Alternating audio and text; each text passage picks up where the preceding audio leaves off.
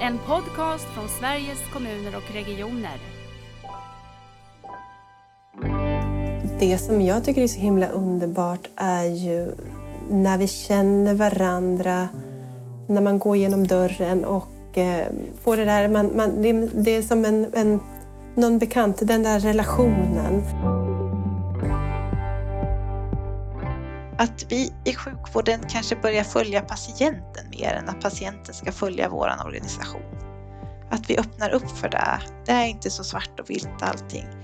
Utan det, det är ett spann och det spannet måste vi också täcka och inkludera in också.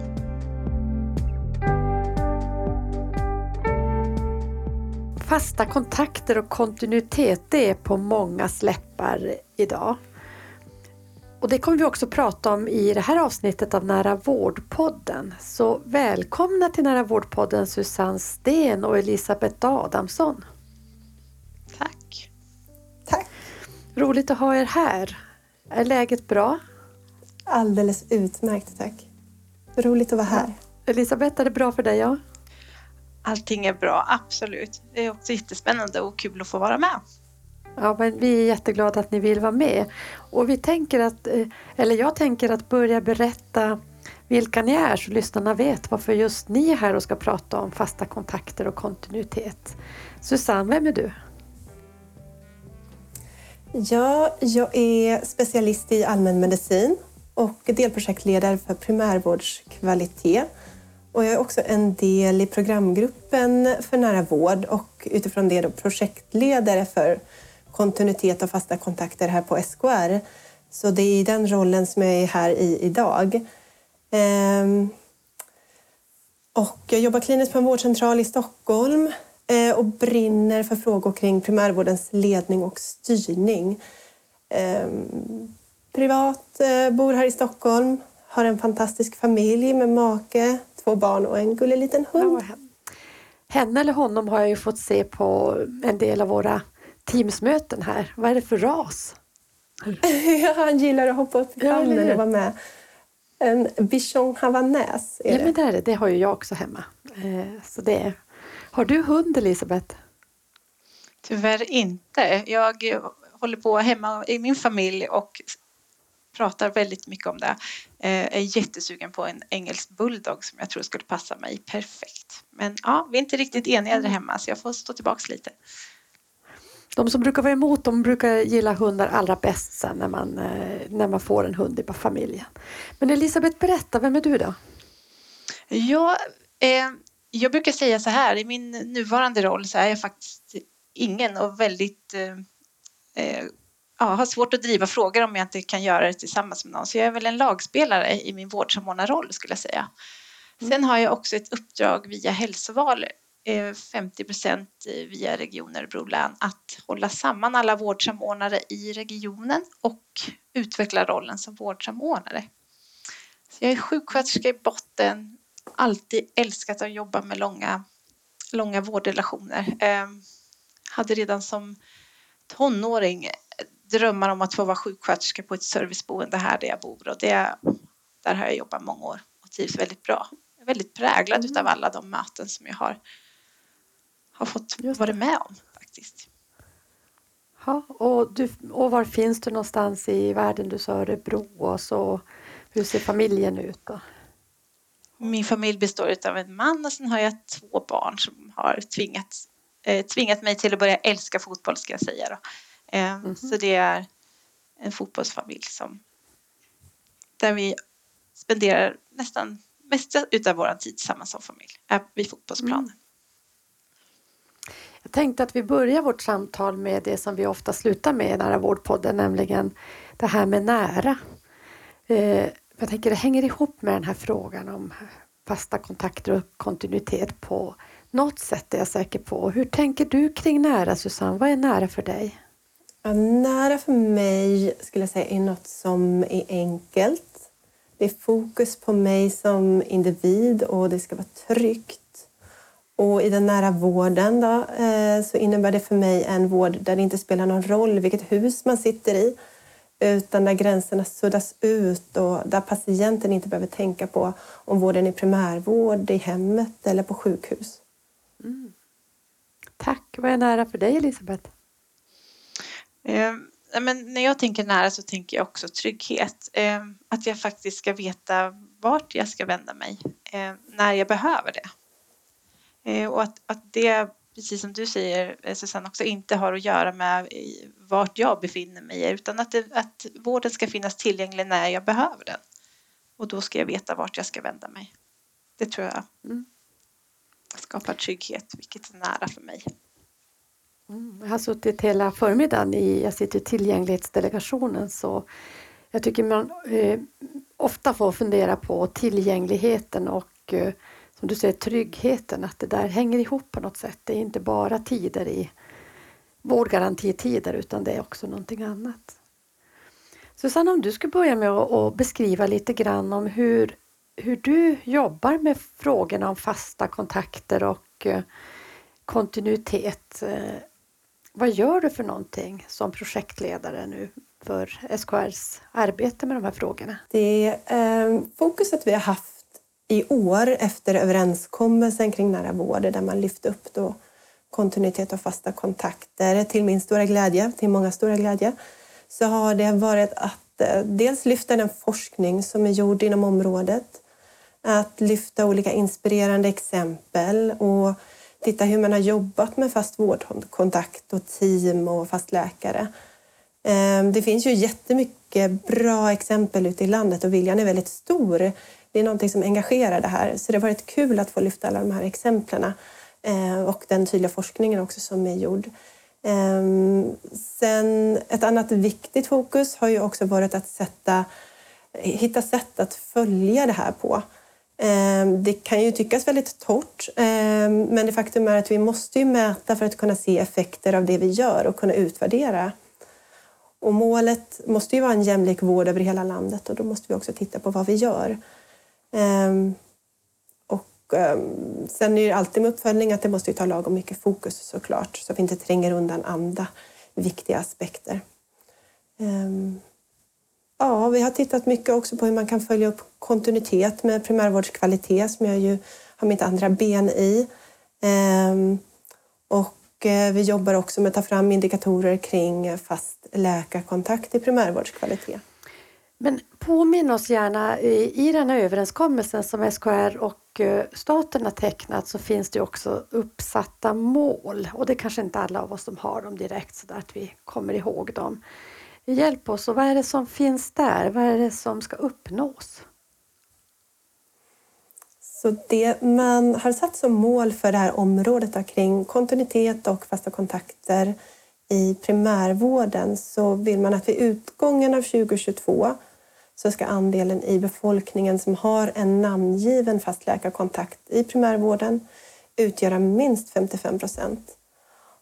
Och eh, Samtidigt då en 20-procentig ökning av kontinuitetsindex, alltså det vi följer i primärvårdskvalitet, till läkare eh, för då eh, de totala kontakterna. Eh, och eh, sen har man ju också riktat in sig på särskilt boende. Ehm, någonting som är ju väldigt viktigt och där önskar man, eller man har satt som mål att andelen som har en fast läkarkontakt ska utgöra minst 80 procent vid utgången av 2022 Eh, och att en betydande ökning av kontinuitetsindex eh, till läkare också ska ha skett där. Så att vi ska jobba med högre andel med fast läkarkontakt och eh, kontinuitet. Sen den fasta vårdkontakten är också ju jätteviktig och det lyfter man ju också. Men i dagsläget har vi väldigt svårt att följa den fasta vårdkontakten. Mm. Jag tänkte också, du sa kopplingen till primärvårdskvalitet, att de här kontinuitetsindex som ska mätas då för att man verkligen får kontinuitet, det, det är ju också kontinuitetsindex som ni jobbar med i primärvårdskvalitet. Ja men precis, och den indikatorn har vi haft länge ehm, och ehm, bygger ju på forskning. Man har ju flera olika indikatorer för kontinuitet men vi har valt ett index då, som finns eh, vanligtvis i forskning just för att vi ska ha så evidensbaserade indikatorer som mm. möjligt. Tack Elisabeth. Det här med att vara vårdsamordnare, eh, vad är det för någonting? Vad gör man på jobbet då? Ja, eh, rollen vårdsamordnare den kom i samband med, med lagen 2018 om eh, eh, samverkan vid utskrivning. Eh, så, så som vårdsamordnare, vad gör vi som vårdsamordnare? Den frågan får jag ganska ofta. Mm. Men det handlar om att vara ett, jag brukar dela in det i att man ska vara ett stöd för den enskilde, man ska vara, jobba med intern sam, samverkan och extern samverkan. Så att, att vara vårdsamordnare betyder att man jobbar väldigt mycket med individen. Att vara ett stöd för den och sen dra i de trådarna som man behöver och hjälpa mm. till att samordna vården för de personer som är i behov av det. Men hur kommer du i kontakt? Hur kommer man som person i kontakt med, med dig då? Ja, eh, med mig kommer man i kontakt med om man har vårdats inneliggande eh, och är, är i behov av fortsatt hjälp med samordning. Att man kanske har kontakter med många olika vårdgivare, kanske med kommunen eller man har specialistmottagningar eller att man har, har ett, ett behov av flera aktörer. Eh, då dels är jag med som vårdsamordnare vid in och utskrivning. Jag tar emot och delger information eh, om de patienter som är listade på min vårdcentral där jag är vårdsamordnare. Mm. Men sen är det ju så här också att på min vårdcentral så, så kan ju de här patienterna också, de finns ju, de finns ju även om man inte har varit inne på sjukhuset. Och, så till mig kan man ringa, man kan bli mm. hänvisad till mig. Um, så att det, funktionen finns, så att vi är väldigt tillgängliga som vårdsamordnare. Eh, jag, mitt nummer är inget hemligt, jag har ingen telefontid. Det är bara att slå en signal. Svarar inte jag så sitter jag med patient och då stänger jag av min telefon. Eh, så att de som är i behov av samordning blir oftast hänvisade till mig. Det kan vara från, från flexitelefon eller från läkare eller från psykolog eller kommunens biståndsanläggare. Det kan vara från hemsjukvårdens sköterskor. Du, om du är så där tillgänglig, det finns, ditt nummer finns där, man kan ringa dig. Hur blir du inte nerringd? Jag blir faktiskt inte det. Eh, och det, det, är ju en, en, en fråga som jag ofta får och jag tänker så här.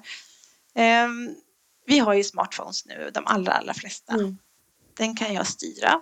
Eh, jag kan, när jag är på möten så lägger jag att jag är på möten. Är det så att jag har telefonnummer som har ringt mig tio gånger under detta möte så försöker jag tänka att det här är någon som verkligen, verkligen behöver få tag i mig. Mm. Ehm, så att jag, jag, blir inte nedringd ehm, och mitt nummer sprids inte vind för våg så heller utan det handlar om att vara tillgängliga för de som behöver det faktiskt. För jag tror det finns ju också en rädsla i en vård där man har också mycket att göra. Att ju mer vi öppnar upp, ju mer kommer vi få göra. Och sen tycker jag att man hör så många som berättar precis de historier som du berättar. Att det inte alls är så att tryggheten också inte behöver driva ännu mer samtal. Så. Men fråga Elisabeth, kommer alla vårdcentraler i Örebro, eller kommer eller har alla en vårdsamordnare? Det ser lite olika ut eh, och där är ju, eh, ett av mina uppdrag är ju att få det jämnt också såklart. Ehm, uppdrag, vi har en gemensam uppdragsbeskrivning, sen har man kommit olika långt i det. Man arbetar lite olika med rollen och så kommer det säkert också att se ut på grund av att vi har ehm, Vårdcentralerna ser ju också olika ut. Vi måste ju se vad är det för behov som, som våra patienter på den här vårdcentralen har, alltså geografiskt sett, hur stor kommun är det runt omkring. Så, så det är ju mycket, mycket saker som kommer att skilja, men vi har en, en länsgemensam uppdragsbeskrivning och den mm. gäller ju det gäller ju för alla. Susanne, har ni vårdsamordnare på din vårdcentral där du jobbar kliniskt? Nej, tyvärr inte. Vi har ju rehabkoordinatorer men de är ju för de är olika typer av um, sjukskrivningsärenden oftast eller uh, i risk mm. att hamna där. Så att inte någon för specifikt uh, för, för, med den rollen som du har Elisabeth. Men jag skulle verkligen vilja ha det. Vad skulle det ge för skillnad tänker du? och en enorm trygghet för mina patienter. Vi har ju många patienter som eh, söker ofta. Eh, jag har några som jag kanske ringer varje vecka eh, och där jag tror att om vi hade ett eh, samarbete, jag och en sjuksköterska eller vem, den som är bäst lämpad såklart. Eh, kring eh, listan med de patienter som är listade på mig eh, där patienten känner oss båda mm. så tror jag att det skulle vara väldigt mycket roligare och trevligare och tryggare för patienten. Ehm, för att det är inte alltid att min kompetens krävs och det är kanske oftare en sjuksköterska som kan svara på de här frågorna kring samordning och ehm, de bitarna bättre än vad jag kan. Mm. Elisabeth, vad betyder eh, din roll för kollegorna på vårdcentralen? För fysioterapeuter, andra sjuksköterskor och läkare? Jag, jag, tror att det betyder att man kan fokusera på det man ska göra, att rätt profession får göra rätt saker. Ehm, att samordna, det behöver jag ha hjälp av alla de här professionerna. Men att bena i vad jag behöver för profession just nu, det klarar jag av att göra som vårdsamordnare. Så jag tror att man kan avlasta där, ehm, att kanske då effektivisera ehm, den vård som just den specifika professionen ska ge. Mm. Så ser jag det. Så jag, jag, hoppas att de ser mig att jag kan avlasta det och, och framförallt att man kan, man kan vara bron och vägen in och vägen ut för den enskilde och för närstående skulle jag säga. Jag har många närstående som jag har regelbunden kontakt med också. Mm. Jag tänker att det är mycket begrepp på det här området. Jag, jag, tycker Susanne att du har vittnat i arbetet vi gör på SKR med de här fasta kontakterna och så att många pratar om begreppen även om de egentligen inte är nya för de har ju funnits i lagstiftning under lång tid. Men vad är skillnaden mellan den fasta läkarkontakten och den fasta vårdkontakten? Hur skulle du säga Susanne? Ja, nej, men det är en jättebra fråga. För att det, som du säger, det är många som funderar och eh, blandar ihop begreppen. Och eh, det är ju en hel del likheter men också skillnader. Eh, som du säger, båda funktionerna är lagstadgade och viktiga. Det finns ehm, eh, i, båda bygger på relationer och eh, syftet är ju främst att skapa trygghet. När det gäller den fasta läkarkontakten så säger patientlagen att patienten ska få möjlighet att välja en fast läkarkontakt inom primärvården. Så det är alltså inom primärvården som den fasta läkarkontakten finns. Och då till skillnad från den fasta vårdkontakten som kan finnas i alla delar av hälso och sjukvårdssystemet. Så där är ju en viktig skillnad. Du kan också ha flera fasta vårdkontakter till skillnad från att du har då en fast läkarkontakt. Och Eh, man säger att den fasta läkarkontakten ska skapa trygghet och kontinuitet och ha det samordnade medicinska ansvaret ur primärvårdsperspektivet. Och den fasta vårdkontakten kan ju då vara någon ur hälso och sjukvårdspersonalen, till exempel en sjuksköterska som du Elisabeth, eller en fysioterapeut, en psykolog eller en undersköterska eller en läkare. Och där ska det största fokus vara samordningen just, men också då trygghet och kontinuitet. Ehm. Då har vi, alla, då har vi rätt ut lite grann av, av begreppen här.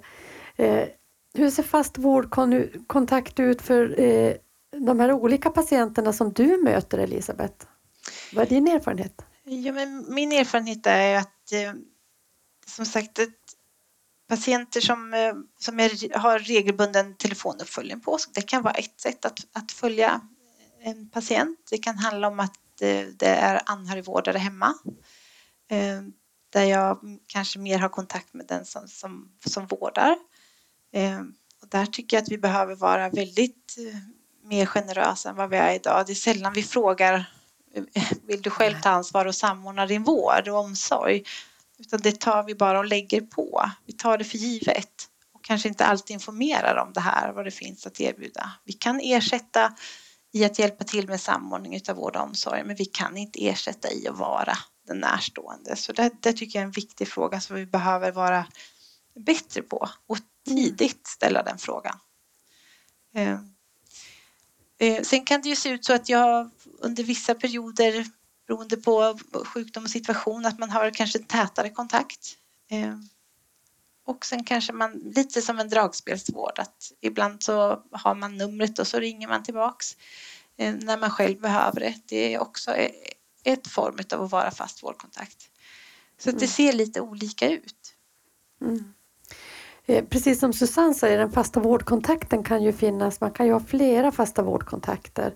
Hur jobbar ni tillsammans med kommunen, Elisabeth, kring det här? Eh, initialt sett vid utskrivningen, om vi tar den, den vårdkedjan, vi ska använda det begreppet, så, så är det den fasta vårdkontakten i primärvården, så då står vi initialt sett som fast vårdkontakt. Mm. Eh, så att det är vi som ringer efter, vi brukar ringa upp patienten tre till fem dagar efter utskrivning ungefär. Eh, dels också för att man får då ett, en direkt kontakt med sin fasta vårdkontakt vilket kanske gör det lättare att man ringer sen. Eh, och där har vi, vi använder intervjustödet webbkollen. Mm. Eh, och där är ju faktiskt ett litet direkt kvitto på, tycker jag, hur man har lyckats i samverkan. Att man får, får svar på trygghet. Jag kan som vårdsamordnare också hjälpa till om, om det skulle vara funderingar som man har. Och det kan man göra ganska så snabbt efter utskrivning. Så det tycker jag är ett, ett bra sätt. Och där handlar det om återigen att man som vårdsamordnare inte är någon utan alla lagspelare ute i kommunen eller här inne på vårdcentralen eller inne i slutenvården. Jag är ju jätteberoende av dem så att för mig handlar det om att dra i trådarna. Vad säger du? Jag tänker när ni använder webbkollen, vad, vad säger de som du kontaktar? Vad är det för frågor som ställs och vad är det för svar du får? Hur kan ett sådant möte se ut? Mm.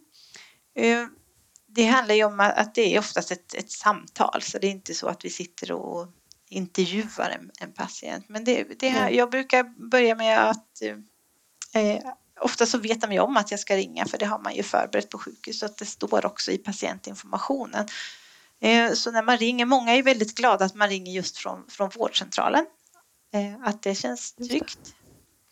Eh, ofta har de ju sett mitt namn på något papper så, men då kan man ju förklara till mig. Jag brukar säga till mig kan du ringa när du inte vet vart du ska ringa.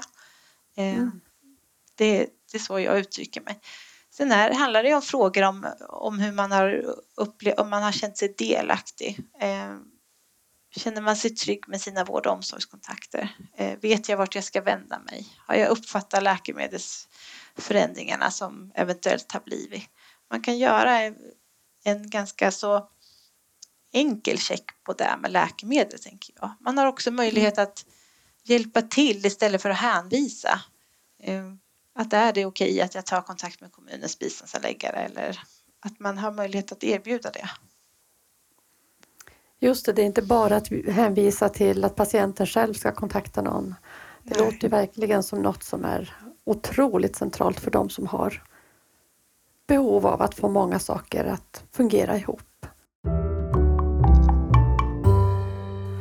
Jag tänker Susanne, du, eh, nu hamnar vi i din kliniska eh, vardag, men när du eh, har den där riktigt, den relation som du vill kunna ha tillsammans med Eh, en patient, hur funkar det då? Det som jag tycker är så himla underbart är ju när vi känner varandra när man går genom dörren och eh, får det där... Man, man, det, det, är som en, en, någon bekant, den där relationen. Eh, när jag kan mer än vad som faktiskt står i journalen. Eh, det som är viktigt när jag kan fråga om han um, har en patient som gillar fågelskådning. Om man har sett någon örn på sistone, hur går det med mm. örnen? Um, och uh, man kan relatera det till hans diabetes.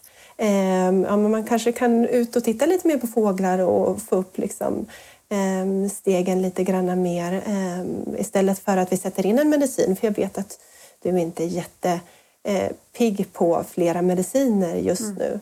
När vi kan ha den, när jag vet lite vad som är viktigt för dig och eh, det är aldrig någonting som går att få ut ur en journal och ska inte heller stå i en journal tycker jag heller, utan det är ren medicinsk information där. Ehm, men det handlar ju också om att vi har en gemensam plan ehm, där vi kan ta vid vid nästa steg. För även om man har en gemensam plan att då träffa samma person och ta upp där vi slutade. Eh, det underlättar ju mitt arbete enormt mycket att försöka sätta mig in i hur någon annan av mina kollegor har tänkt. Eh, det ger ju också, tänker jag, eh, en trygghet för, för individen att veta att det här är någon som förstår mig. För jag hoppas att man väljer en annan fastläkare om, om vi inte kommer överens såklart. Det tycker jag är en förutsättning. Men att, vi, att kommunikationen oss emellan funkar och att man känner sig trygg med det. Jag tänker du säger något viktigt också, att det här inte bara blir att jaga på något sätt pinnar på ett papper, att se till att alla på något sätt har, har en fast kontakt, om det är en fast läkarkontakt eller om vi i framtiden kan mäta fast vårdkontakt. Utan att det också handlar om att det faktiskt eh, finns en bra relation däremellan. Att vi inte bara tittar på mängden utan också på relationen. I nära vård beskriver vi väldigt mycket och ser ju grunden i nära vård som det personcentrerade förhållningssättet och relationens betydelse. Jag tycker både, båda ni två beskriver ju det här, hur viktigt det ändå är att känna att det är en människa där som jag faktiskt kan nå och som vet vem jag är och som vet att jag har de här intressena och jag blir mer en person än bara en patient för, för den jag möter i vården. Något annat som jag tänker kring begrepp det är ju, det är ju en sak med fasta kontakter och så har vi begreppet kontinuitet också. Som man ibland kanske eh, slarvigt tänker att det är ju samma sak. Men vad är kontinuitet Susanne? Där finns det ju flera typer av kontinuitet och eh, jag tänker att den vi framförallt pratar om och när det gäller fasta kontakter är ju den relationella kontinuiteten. Det vill säga att träffa samma person eh, flera gånger. Eh, sen så finns det informationskontinuitet så, och det finns olika typer av kontinuitet. Men om vi tittar på den relationella kontinuiteten så ehm, har den ju väldigt mycket bäring också i forskningen. Att vi har god effekt av långa relationer. Ehm, det ser vi väldigt tydligt i forskningen och det är ju allt ifrån eh, effekter på sjukdomsbehandling, eh, sjukvårdskonsumtion, patientnöjdhet och minskad läkemedelsförbrukning. Det finns jättestora effekter att hämta hem verkligen genom att ha de här långvariga relationerna. Vad tänker du med kring kontinuitet, Elisabeth? Nej, men jag tänker så här, när man får ett samtal när någon säger Hej Elisabeth, det är jag. Alltså, då blir jag väldigt glad. Ehm, eller när man får ta del av en livsberättelse utan att jag har frågat efter den. Där tänker jag, då har man då har man kommit någon vart. Eh, och det tycker jag gör också att vi börjar se människan faktiskt mer än vad vi ser sjukdomen, eller vad jag ska säga. Mm. Mm. Ser, ni, ser du effekter, tänker du Elisabeth, på det här med, med kontinuitet? Vad är det, i alla fall i din upplevelse och din professionella bedömning? Du har varit inne på det lite, men... Ja, men jag, jag, jag gör det och jag, jag, när jag tittar tillbaks på när jag jobbade i hemsjukvården till exempel, där kunde jag ju verkligen se vilken, eh, dels för mig som sjuksköterska, men framförallt för patient och närstående, att man har den här kontinuiteten. Man har lättare också att, att göra bedömningar om jag vet hur, hur den här mår när den mår som bäst. Alltså man har, man har ju en annan referens, någonting att luta sig emot. Mm. Och också med att det är kännbart för, för mig även i vårdsamordnarrollen men som sköterska eller det spelar ingen roll privat heller. Vad, vad är viktigt för den människan jag har framför mig? Det är en väldigt central fråga i mångt och mycket. Verkligen. Har jag inte svar på den så är det ju väldigt svårt att, att, att navigera egentligen. Mm. Och jag tänker också som eh, både närstående och patient att, eh, att verkligen känna att eh, jag också vet vem jag har framför mig och det är någon som bryr sig. Att det på något sätt finns eh, åt andra hållet också den här känslan av att känna. Eh, även om det är den professionella personen jag möter så är det ändå känslan av att känna till, känna personen.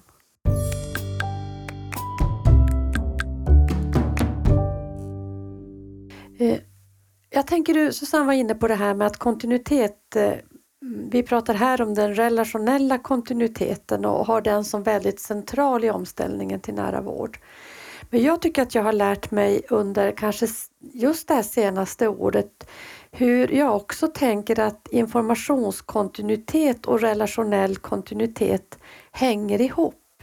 Vi har ju på SKR försökt att se hur kan man jobba med patientkontraktet som blir på något sätt en grund för att, att ha en informationskontinuitet som också stärker min möjlighet att vara den person jag är därför att jag får en transparens kring ja, men vad var nu mitt nästa steg? Hade jag några nya tider? Hur kunde jag, eh, vad kan jag göra själv tillsammans med min familj eller mina, mitt nätverk för att eh, eh, göra rätt nu när jag precis blev hemskriven från sjukhus eller behöver ta hand om den här nya kanske sjukdomen som jag har fått eh, diagnostiserat. Eh, det, har ni några tankar kring det här sambandet mellan den relationella kontinuiteten och informationskontinuiteten eller exempel på hur det där hänger ihop? Jag håller ju med. Vi jobbar ju i projektet väldigt nära just eh, patientkontrakt för att vi ser att det är båda... Vi, vi hänger ju ihop. Ehm, planen är jätteviktig, informationskontinuiteten är jätteviktig. Ehm, och ehm, liksom ett, både de fasta kontakterna och patientkontrakt kan man väl säga egentligen är olika verktyg för att individanpassa och skapa trygghet.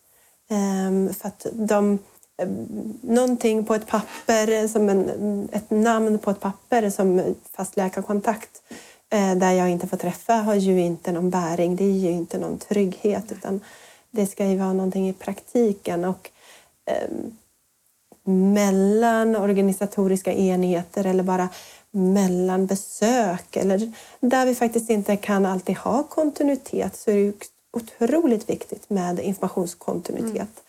Mm. Så de kompletterar varandra tycker jag eh, väldigt bra. Hur vet dina eh, patienter, de som eh, har dig som sin fasta läkare, att de just har dig som sin fasta läkare? Kan man se det någonstans? Finns det tillgängligt någonstans? Och där har vi ju någonting som vi också hoppas kunna jobba med nästa mm. år. Ehm, för där sitter jag och berättar. Men de som jag har träffat länge de känner ju mm. mig och vet att jag är deras fasta läkare. Men när jag träffar en ny patient och jag ser att um, de är listade på mig så blir jag först glad och tänker att åh vad roligt att du har valt mig. Men sen så inser jag att nej men så kanske det inte alltid mm. är. Och eh, när jag berättar att jag är deras nya fasta läkare så kan jag ibland eh, mötas av förvåning och så ska det absolut inte vara. Elisabeth, hur tänker du det här med informationskontinuitet? Får man, eh, hur jobbar du med någon typ av plan? Man behöver ju inte ha behov av en samordnad individuell plan. Man kanske har behov av en plan ändå. Finns det med i din verktygslåda? Eh, vi jobbar ju, alltså jag satt faktiskt och tänkte på SIP-planerna. Det är ju mm. den som, som, vi jobbar med och, och, vi behöver bli bättre på att få en mycket bättre kvalitet på våra SIPar. Um, så den jobbar vi aktivt med och erbjuder SIP till där, där det finns behov av SIP. Um, sen har vi väl inte lyckats hitta ett verktyg där vi verkligen vet om SIP-planen eh, ger ett mervärde för den enskilde. Eh, så det är ju något som som skulle vara spännande att titta mer på. Ehm, men jag brukar tänka att SIP-mötena är i alla fall där man får möjlighet att uttrycka vad som är viktigt för mig och man har samlade ett samlat dokument där det står vem som ansvarar för vad och vart man kan höra av sig till. Ehm, sen har vi kanske inte så mycket mer andra planer men jag tänker där handlar det ju också om utifrån de patienterna som jag har fast vårdkontakt till så, så gör man ju upp. Ehm, I och med att jag är så nåbar också så mm. gör man ju ofta upp att jag hör av mig igen då och då. Det kommer man ju överens om och det här kan ju se så himla olika ut beroende på var man befinner sig just i, i sjukdomen eller i den situation som gör att jag behöver ha hjälp med min samordning. Mm. Jag, jag, tycker det är så det är spännande när man får prata med så många engagerade personer i den här nära vårdpodden och så är det ett ord som jag skulle nästan säga kommer i varje podd och som ni har tagit upp här och det är trygghet. Eh, ni har båda två varit inne på den här trygghetsskapande. Jag tänker det finns någonting i det där med att skapa trygghet som jag tror hänger ihop med synen på hälso och sjukvården. Eh, kanske också på att jag inte behöver ta kontakt eh, alla gånger för jag känner att jag vet att jag kan komma till om jag behöver. Och det är någonting med tryggheten. Eh, det blir bara en reflektion från mig för ni har tagit upp det så. Jag tänker så här, eh, vi har ju eh, haft det här i lagstiftning i mer än tio år, både den fasta läkarkontakten och den fasta vårdkontakten. Varför tror ni att vi har så svårt med att få till de här arbetssätten som bygger på kontinuitet? Jag tänker också att det här kan ju handla om kontinuitet eh, i, till team också. Vi ser ju det när vi jobbar mycket, tittar på de mobila verksamheterna, att, att det är också en typ av kontinuitetsvård. Det är inte massor med olika människor utan det är att, att samordna sig runt den enskilda. Varför har vi haft så svårt att byta egentligen logik tror ni till den här mer kontinuitetslogiken?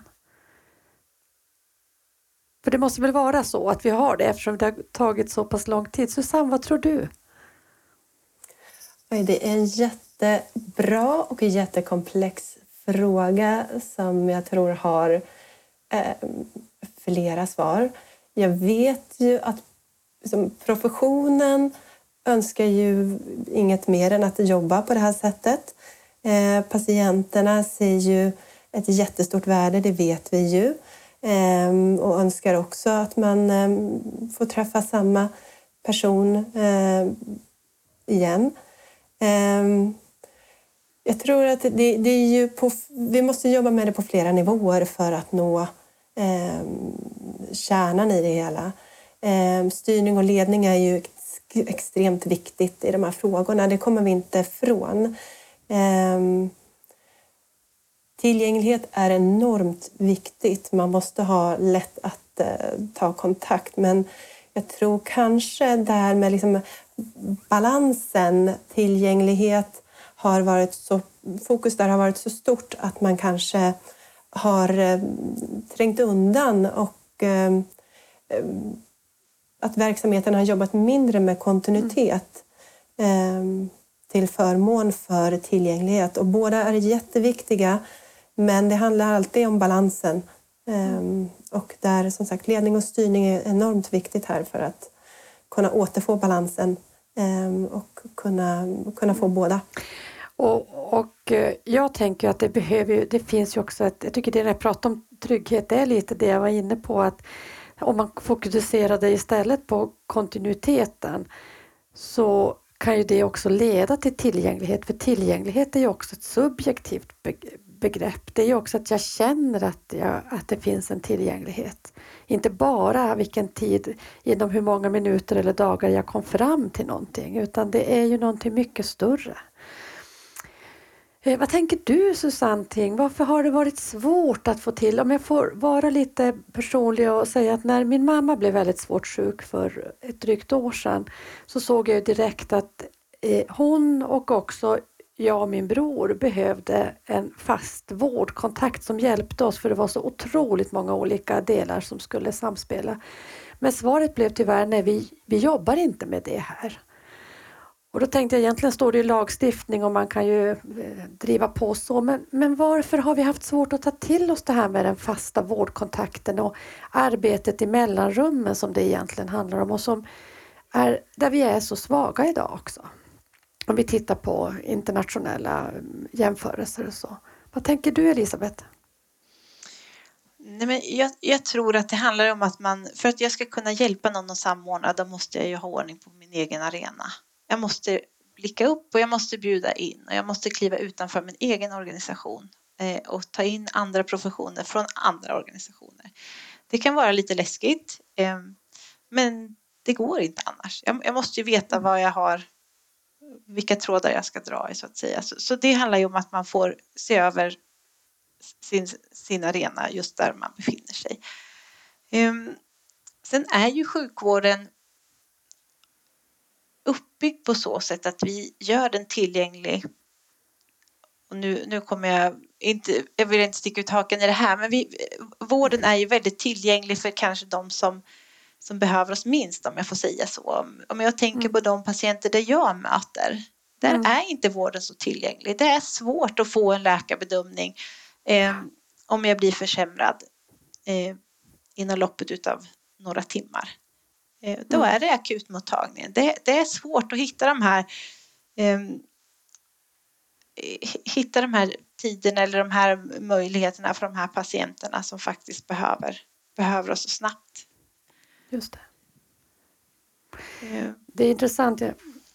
Förlåt, avbröt jag dig? Nej, nej men jag tänker liksom att vi gör, vi gör telefontillgänglighet, vilket också är jätteviktigt. Jag säger inte det. Det är många som, som kan kontakta vården via telefon eller via appar och drop-in mottagningar och allting sånt. Men alla kan inte det.